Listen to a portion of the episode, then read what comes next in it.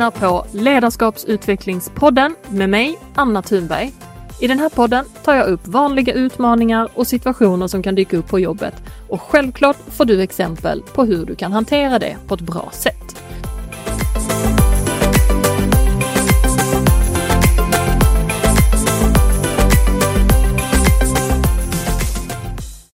I dagens avsnitt ska vi fördjupa oss i ett ämne som är centralt för alla företag och organisationer, nämligen marknadsföringens psykologi. Vi kommer att utforska hur människors tankar, känslor och beteenden påverkar deras köpbeslut och hur företag kan använda sig av denna kunskap för att skapa mer effektiva marknadsföringsstrategier. Detta ska jag diskutera med marknadsföringsexperten Carolina Martell Carolina har över 10 års erfarenhet av marknadsföring, rebranding och strategiskapande med ett stort driv för mätbara resultat. Carolina driver företaget Martell Creative där hon med trygga händer skapar förutsättningar och jobbar för att nå företagsmål. Det är en stor glädje att få välkomna Carolina in i podden. Hej Carolina! Hej Anna!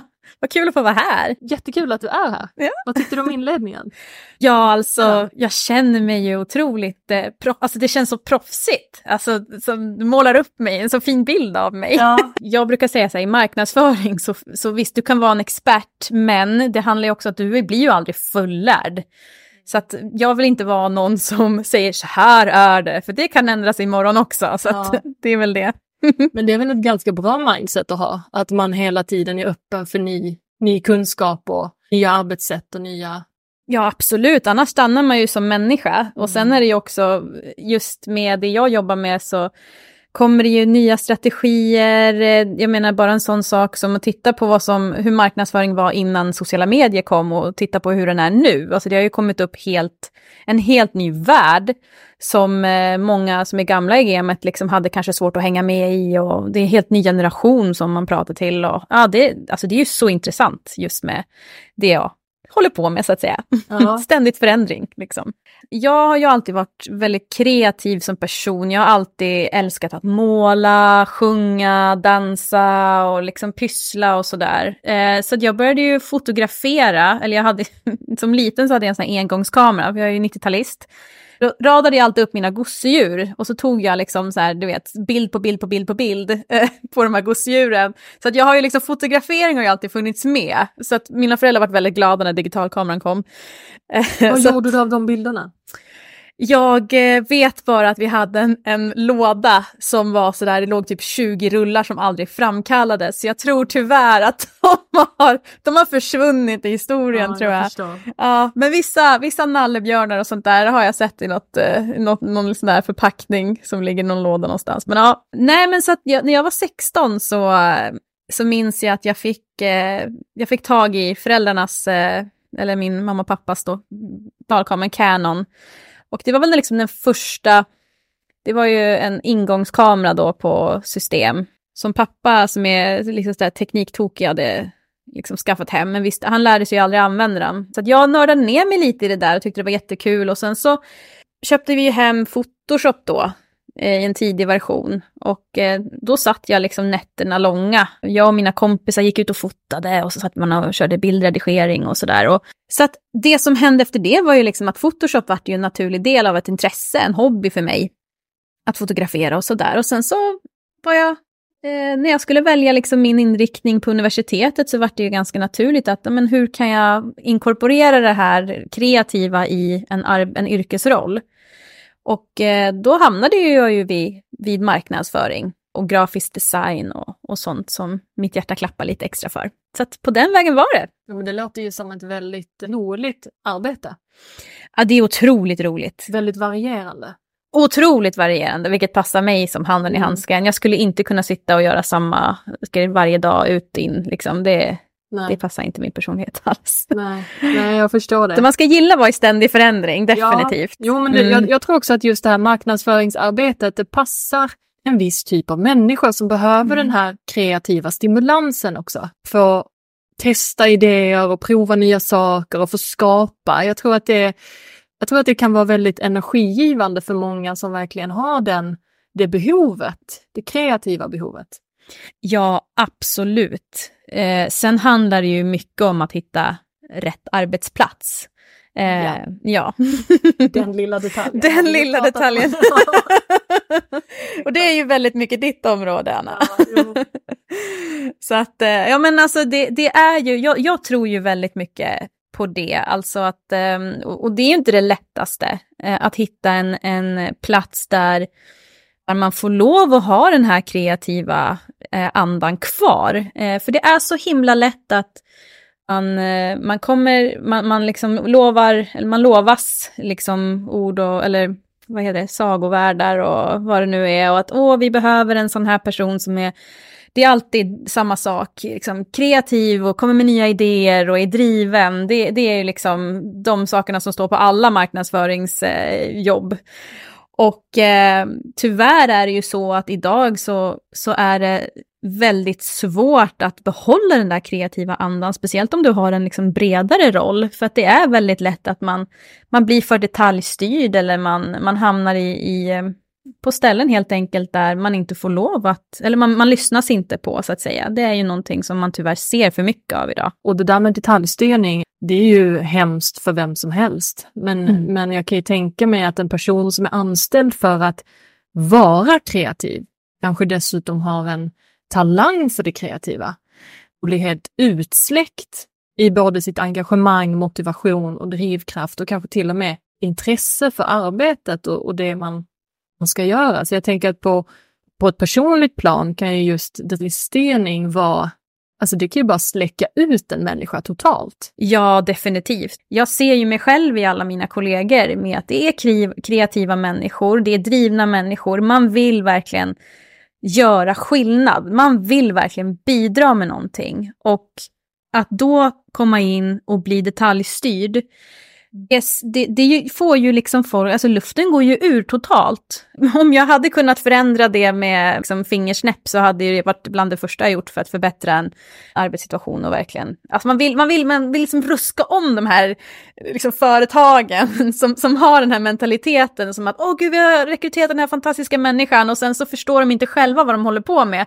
När de sitter och bara, men du gör det här och du ska göra det på det här sättet och så sitter människan och säger att nej men vet du vad, jag har den här idén och jag har läst på, och jag har kollat upp det här möts de bara av en vägg som säger, ja men nej men gör bara nu. Vi har inte tid med det där. Det är alltid snack om tid. Det finns inte tid för det. Det finns tid för det längre fram eller just nu eller det är väldigt mycket sånt man får höra och ja, det är ju otroligt tråkigt. Men vad tänker du om man är ett företag som skulle vilja främja kreativiteten och motivationen hos marknadsförings personer. Vad kan man göra då för att bidra eller främja det? Det där är ju verkligen en så bra fråga. Jag kan ju bara prata utifrån mig själv. Men jag tror att eh, som min person, hade jag varit en, en marknadsförare som känt att motivationen börjar tryta, man får inte den här kreativa, det här kreativa utloppet. Har man då en chef som är uppmärksam, ja men ha då vara på att liksom shit, nu börjar det hända någonting här. Då, då styr vi ihop en workshop. Vi bygger upp en, eh, en fantasivärld. Alltså bara ett exempel. Ta en hel dag och så säger vi att nu ska vi mind, eh, vad heter det, vi ska mindmappa skiten ur den här dagen. bara liksom spy ut alla era idéer, liksom, så man väcker den här liksom, lilla ådran i bakhuvudet hos de här personerna igen, så att de känner att de får lufta. Skulle man sätta ett par personer på en sån här workshopdag när liksom luften är verkligen fri. Fråga dem sådär, vad hade du gjort? Vad är det du tycker att vi ska fokusera på framåt här nu? Vad är det du ser? Vart kommer vi hamna om vi gör vissa saker? Alltså jag lovar att en dag kommer inte räcka. Ni kommer få sätta in det här på kalendern varje månad eller varannan vecka eller vad, det nu kan, vad som kan behövas för att jag tror att det, det skulle vara så värdefullt. Bara att få bli hörd tror jag är så viktigt för eh, just kreativa personer. Jag är lite nyfiken på det här med marknadsavdelningar. Vi pratade om det lite utanför micken. Det skulle jag vilja dela med våra lyssnare, det här du sa, just hur säljavdelning och marknadsföring, relationen mellan de här två. Kan du beskriva det? Det jag har sett på väldigt många ställen och jag ser det hela tiden, det är ju att man liksom har delat upp sälj och marknad i två helt olika läger. Jag ser på sälj och marknad som liksom ett par syskon kan man säga. Det ska inte vara två läger, det är samma familj. Så man måste liksom lära sig att jobba tillsammans, för man, man går ändå mot samma mål. Och speciellt i dagens samhälle så funkar liksom, alltså sälj ses ju som alltså kungen på täppan kan man väl säga. Medan marknadsföring blir liksom någonting som många företag bara säger, ja men det blir en liten bonus, de gör någon liten grej på sociala medier och du vet sådär, man, man bara tänker på synligheten överlag.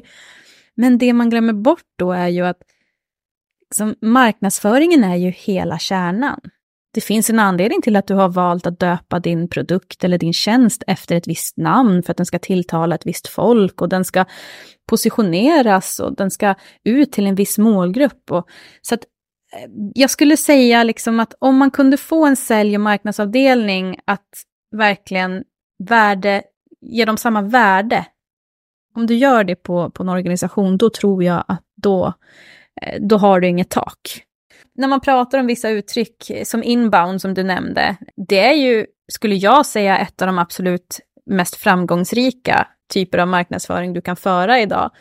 Men där pratar vi också om liksom funnel marketing eller funnel sales. Vad jag vet så är det exakt samma sak. Det är, du, du lockar in folk till en tratt som är då en, då har du liksom på första, första liksom tratthalvan så har du liksom awareness, det är liksom första, hur du, hur du får upp någons uppmärksamhet. När de fått din uppmärksamhet, då blir det liksom nurturing. Då tar du in dem, du leder in dem, du, du utbildar dem i värde och, och sen så kommer du ner då på ett säljperspektiv där det liksom är value. Varför kan du inte klara dig utan det här? Vad är det här verkligen, om det här förändrar ditt liv på det här sättet och sådär. Och det, det är ju liksom nutidens sätt att sälja mer på. Sen har du ju såklart cold calling och allting som man jobbar med på sälj som fortfarande funkar för en viss typ av målgrupp. Men det är det här som företag måste förstå, att man, man kan inte halka efter här nu. Utan nu är det, det, är, det är ett helt nytt sätt att jobba på. Eller det är inte nytt längre, utan det här har ju varit med jättelänge nu. Men sen har du ju sociala medier, då får du in affiliate marketing istället och influencer marketing. Och du vet, det är ju det, det, kommer ju nya generationer nu. De sitter inte och ringer företagen. De vill inte, bli, de vill inte prata i telefon. Utan de vill prata vid mail och sen så vill de ta sin tid och läsa på i lugn och ro och känna att känns det här bra i magen liksom. Och sen kontaktar de företaget. Och där är det ju jättekänsligt.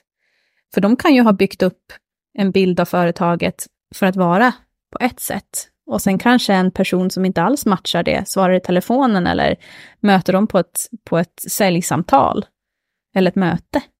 Allting kan fallera. Så där är, det, det är jätteviktigt att man har, med, man har med helhetstänket från början och ner till sista biten också.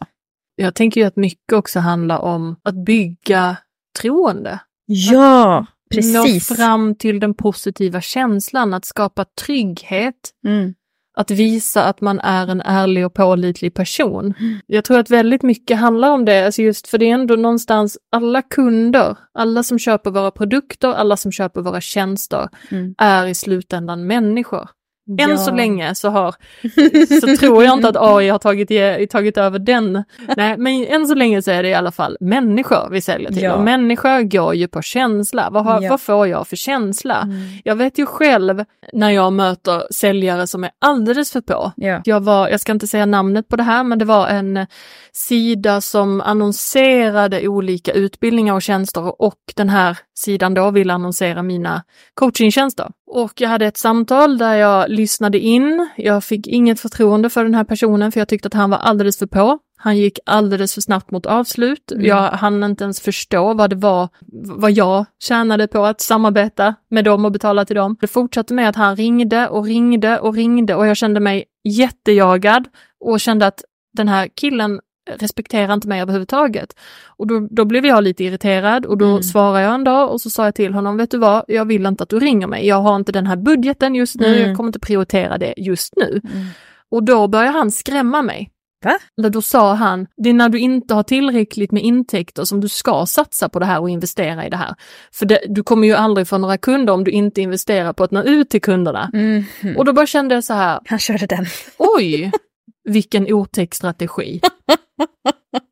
Så då sa jag bara tack men nej tack.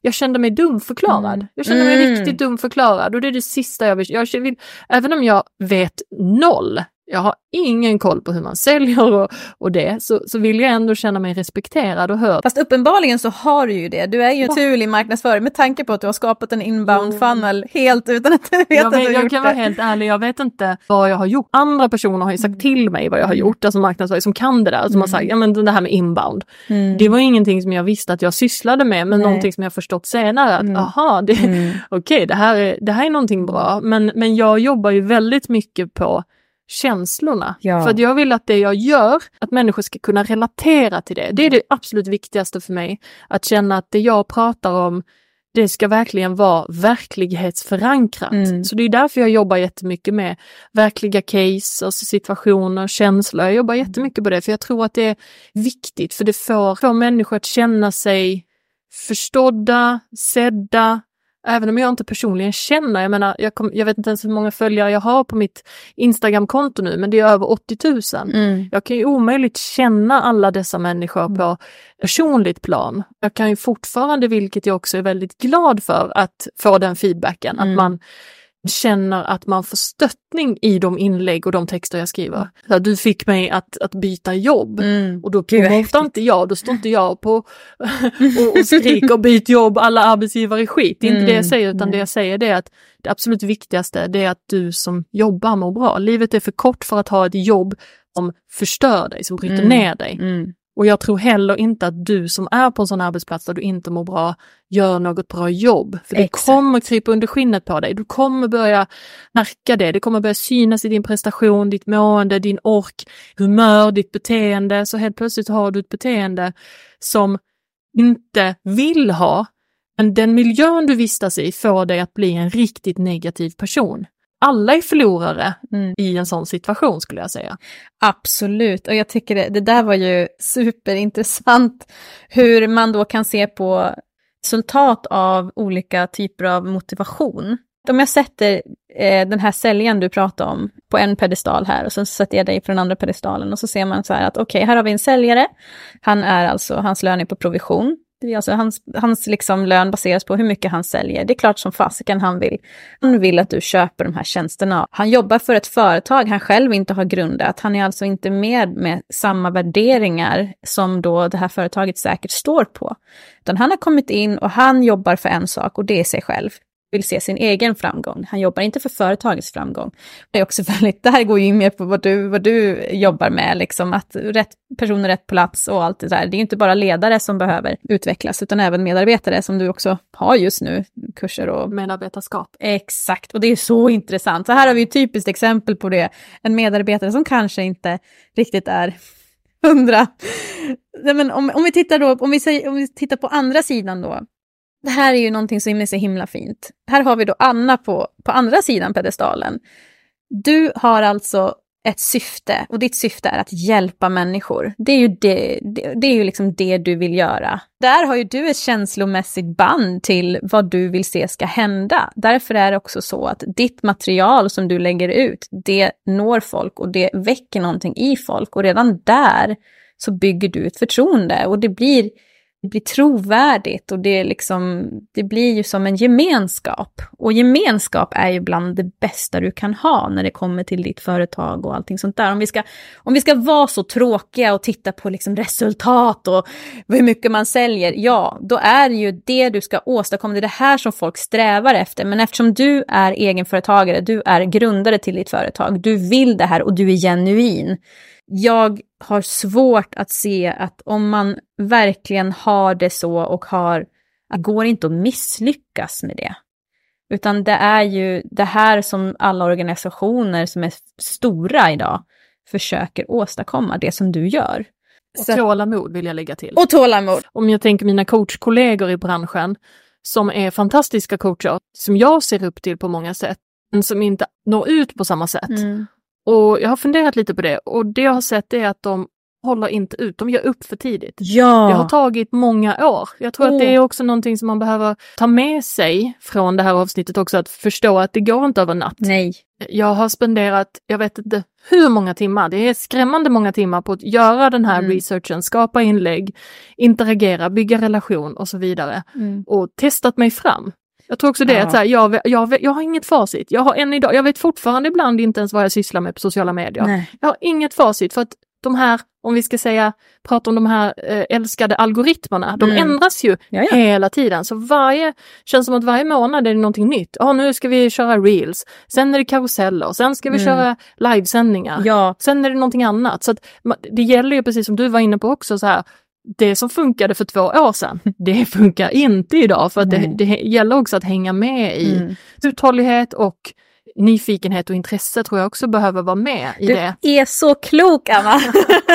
det är ju precis så här, alltså det, jag, jag bara liksom känner att jag bara, oh, oh, oh, jag måste bara säga det här när du, när du pratar om det här, för det här är så intressant. Två saker med det du precis nämner. Det är ju för det första, alltså jag måste tala till er egenföretagare där ute. Alltså gå inte på, jag vet, det finns hur mycket liksom so-called social media experts där ute som har alla möjliga, så, åh den här musiken trendar just nu och gör så här med den här så att du ska liksom lura algoritmen att stanna kvar och gör si, gör så. Nej, alltså visst, om du har ett följe redan och vill boosta det, visst, då kan du liksom lägga till vissa tweaks. Pröva sånt här material. Men om du har en följarbas på ett par hundra, kanske fåtal tusen följare, det kommer inte göra någon skillnad, utan det är precis som du säger Anna, det som ger resultat, det är konsekvent postande och det handlar om allting du gör i din marknadsföring. Det handlar inte om att du ska se resultat imorgon, utan det handlar om att du ska bygga upp ett företag, du ska bygga upp ett förtroende över tid. Det är också så himla intressant att man har ett talesätt som säger sådär att show up for yourself, other people will show up for you as well. Det handlar samma sak när det gäller ditt företag, att om du sätter dig själv först och verkligen så här, ser till att du lägger tid på ditt varumärke, då kommer det vara svårt för folk att hålla sig borta från dig. Nummer två med det jag vill säga till dig är också så här, det här, nu pratar vi ju återigen med skillnaden mellan sälj och marknadsavdelningar. Det är ofta det här som också är så tråkigt, det är att säljarna får ju ofta direkt respons på någonting de gör. De ser resultat snabbare för att de gör någonting aktivt. Marknadsföring jobbar på det långsiktiga. De jobbar i strategier som tar tid, som kanske inte syns imorgon, men som kanske visar sig ge jättebra resultat om tre månader, sex månader, tre år. För att de har verkligen tänkt igenom någonting och byggt upp det från grunden. Så det här du säger är så otroligt viktigt och så otroligt sant. Och det är så intressant. Jag kan mala på i evigheter. Ja. Och jag tänker ju också på att det finns olika vägar. Det finns olika strategier. Det finns inte bara ett rätt sätt. Jag blir väldigt skeptisk när jag ser annonser där det står köp den här strategin eller Mm. lär dig få mer klienter på en vecka och så vidare. Mm. Dubbla din omsättning på en månad. Alltså Vet jag vad den här, betyder? Vad är det för strategi? Är det en all size fits all eller är den skräddarsydd? Någonstans börjar tanken att man ska lyckas Mm. och ett sätt att lyckas det är att man kan försörja sig Mm. på det man gör Mm. helt enkelt. Och det, det gjorde inte jag i början. Jag hade ju bara ett fåtal klienter precis i starten och det var Mm. ingenting som jag kunde överleva på ekonomiskt då. Och då var det ju väldigt mycket, jag fick väldigt mycket mejl, jag såg det var mycket annonser som kom upp där det var liksom kurser hur man Mm. ska Mm. bli framgångsrik och lyckas som coach. Ja. Och redan där kände jag, nej, för jag är inte säker på att de här strategierna passar mig, utan jag har tagit mig fram. Det, ska Ja, det är så säga. fantastiskt. Alltså fail forward så jävla bra. har varit mitt bästa verktyg. Där misslyckas, ta lärdom, prova nytt, Ja, bygga vidare. Det har varit, det har varit min strategi. och det är så jävla bra, för det är det vi också gör. Folk tror liksom att vi sitter på alla svaren. Nej, vi testar Ja. också. För det är det man måste göra. För en sak som funkade igår kanske inte funkar imorgon som sagt. Allting är ombytligt. Och sen är det väl olika på olika kanaler. Absolut. Jag har ju min Facebook-sida som har, jag vet inte, den har knappt några hundra följare. För jag struntar i min Facebook Ja. kan jag säga. Den finns där bara för att. Mm, Men mina andra kanaler har ju mycket högre engagemang. mm. Man kanske har sina, inte favoriter, men man har väl kanske sina områden där man, där man själv tycker bättre om Mm. att vara. Alltså jag, jag kan ju bara säga själv, skillnaden för mig mellan Instagram och LinkedIn, Mm. ganska intressant faktiskt, för att jag har väldigt många av de människor som eh, följer mitt konto på Instagram har jag också kontakt med på LinkedIn. Mm. Och det jag tycker är så väldigt intressant, det är att jag kan ha en dialog med samma person på ett sätt på Instagram, där det är väldigt avslappnat, det är väldigt personligt. Samma person kan skriva till mig på LinkedIn. Och då är det helt plötsligt en ett professionellt sätt de skriver på. Och jag märker att jag själv svarar på Ja. ett professionellt sätt. Hej hej Mvh Anna! Jag skulle inte skriva Mvh Anna på min Instagram Nej. för att det är ett helt, det är ett väldigt avslappnat forum för mig. Jag Ja. ser det lite som mitt, mitt Ja. vardagsrum där människor får komma in och Mm. det ska vara en trivsam plats och man ska kunna ha de här lite mer, jag ska inte säga känsloladdade, men det blir det ju för jag Mm. pratar om ämnen som berör mycket. Så Mm. många, jag får ju mycket DM med starka känslor. Som Mm. människor som inte mår så bra eller människor som är Mm. arga för olika saker eller andra saker som människor delar på ett Mm. väldigt transparent och mänskligt sätt. Och Mm. det gillar jag med Instagram. Ja. Det är därför jag har valt att satsa på den plattformen. För jag ser inte den, jag får inte den relationen på um, LinkedIn eller andra plattformar. Jag kallar ju LinkedIn lite för eh, skrytstället. jag tror inte att det är någon där ute som inte sett så här att nu har jag gått vidare till nya utmaningar. Jag tackar alla för fyra år. Alltså man hade ju aldrig hade träffat någon på stan och bara så här Ja, vad fan, har du bytt jobb? Ja, fan, jag har bytt jobb, jag ska jobba med det här. Ja, kul, trivs du? Ja, absolut. Men samma person på LinkedIn är ju liksom, åh, det är så fantastiskt. Så jag kan skratta lite åt det när jag ser mina vänner och sånt göra samma sak. Men, men jag tror att mycket av det du säger i, i hur folk då är olika personer på de här olika plattformarna, jag tror att det, det ringar väldigt sant. För att om man tänker också på hur de här plattformarna är uppbyggda så är ju Instagram är ju, där kommer du in till någons vardagsrum, du kan ha ett privat konto, du behöver inte ha ditt verkliga namn, du kan ha en profilbild som inte stämmer med dig, du kan vara liksom ganska anonym. Medan på LinkedIn så är det ju genast, det är ditt CV, det är din professionella person, din liksom arbetsmask som du har på dig. Du kan inte prata fritt hur som helst i kommentarsfält, utan du har ett ansvar mot din arbetsgivare som kan se det du gör på ett helt annat sätt. Att det där är ju så intressant. Samtidigt som du har ju ett yrke som är väldigt bra för LinkedIn, eller liksom som, som talar för det här professionella. Så att det är ju, it makes sense att du behöver vara där också. Jag tror att du når väldigt många som kanske inte kommenterar, för jag, liksom, det är ju det du är inne lite på, att du får ju fler som kommenterar, fler som gillar, fler som liksom engagerar sig i ditt innehåll på Instagram än vad du får på LinkedIn. Men jag tror ju att du når ju nog väldigt mycket, ska man säga, i det tysta på LinkedIn också. Nästan alla gånger jag kommer ut på föreläsningar eller liknande så säger folk, ah det är du från Instagram. Man har ingen koll på vad jag heter men man känner igen mig. Mm. Och man har koll på att jag är på Instagram och jag lägger upp mycket text. Mm. Så att ofta är jag, blir jag beskriven som tjejen från Instagram med mycket text. och det tycker jag är ganska, jag tycker om att vara lite, jag, jag har ju en väldigt hög integritet. Det är skönt. Jag tycker Mm. inte om när människor kallar mig för influencer, för det är jag inte. Sen influerar jag, men jag, tar Mm. inte, jag tjänar inga pengar på min Instagram. Jag har inga Mm. samarbeten, jag har inga, inga intäkter allt från Nej. Instagram, utan det är bara en marknadsföringskanal och för att jag själv tycker att det är ett viktigt ställe att vara Mm. på och nå ut och Mm. som du sa innan, ett, en plats för människor att samlas på. Och jag tror du hade ju aldrig kunnat fortsätta med det om du inte heller hade tyckt det var roligt. Nej.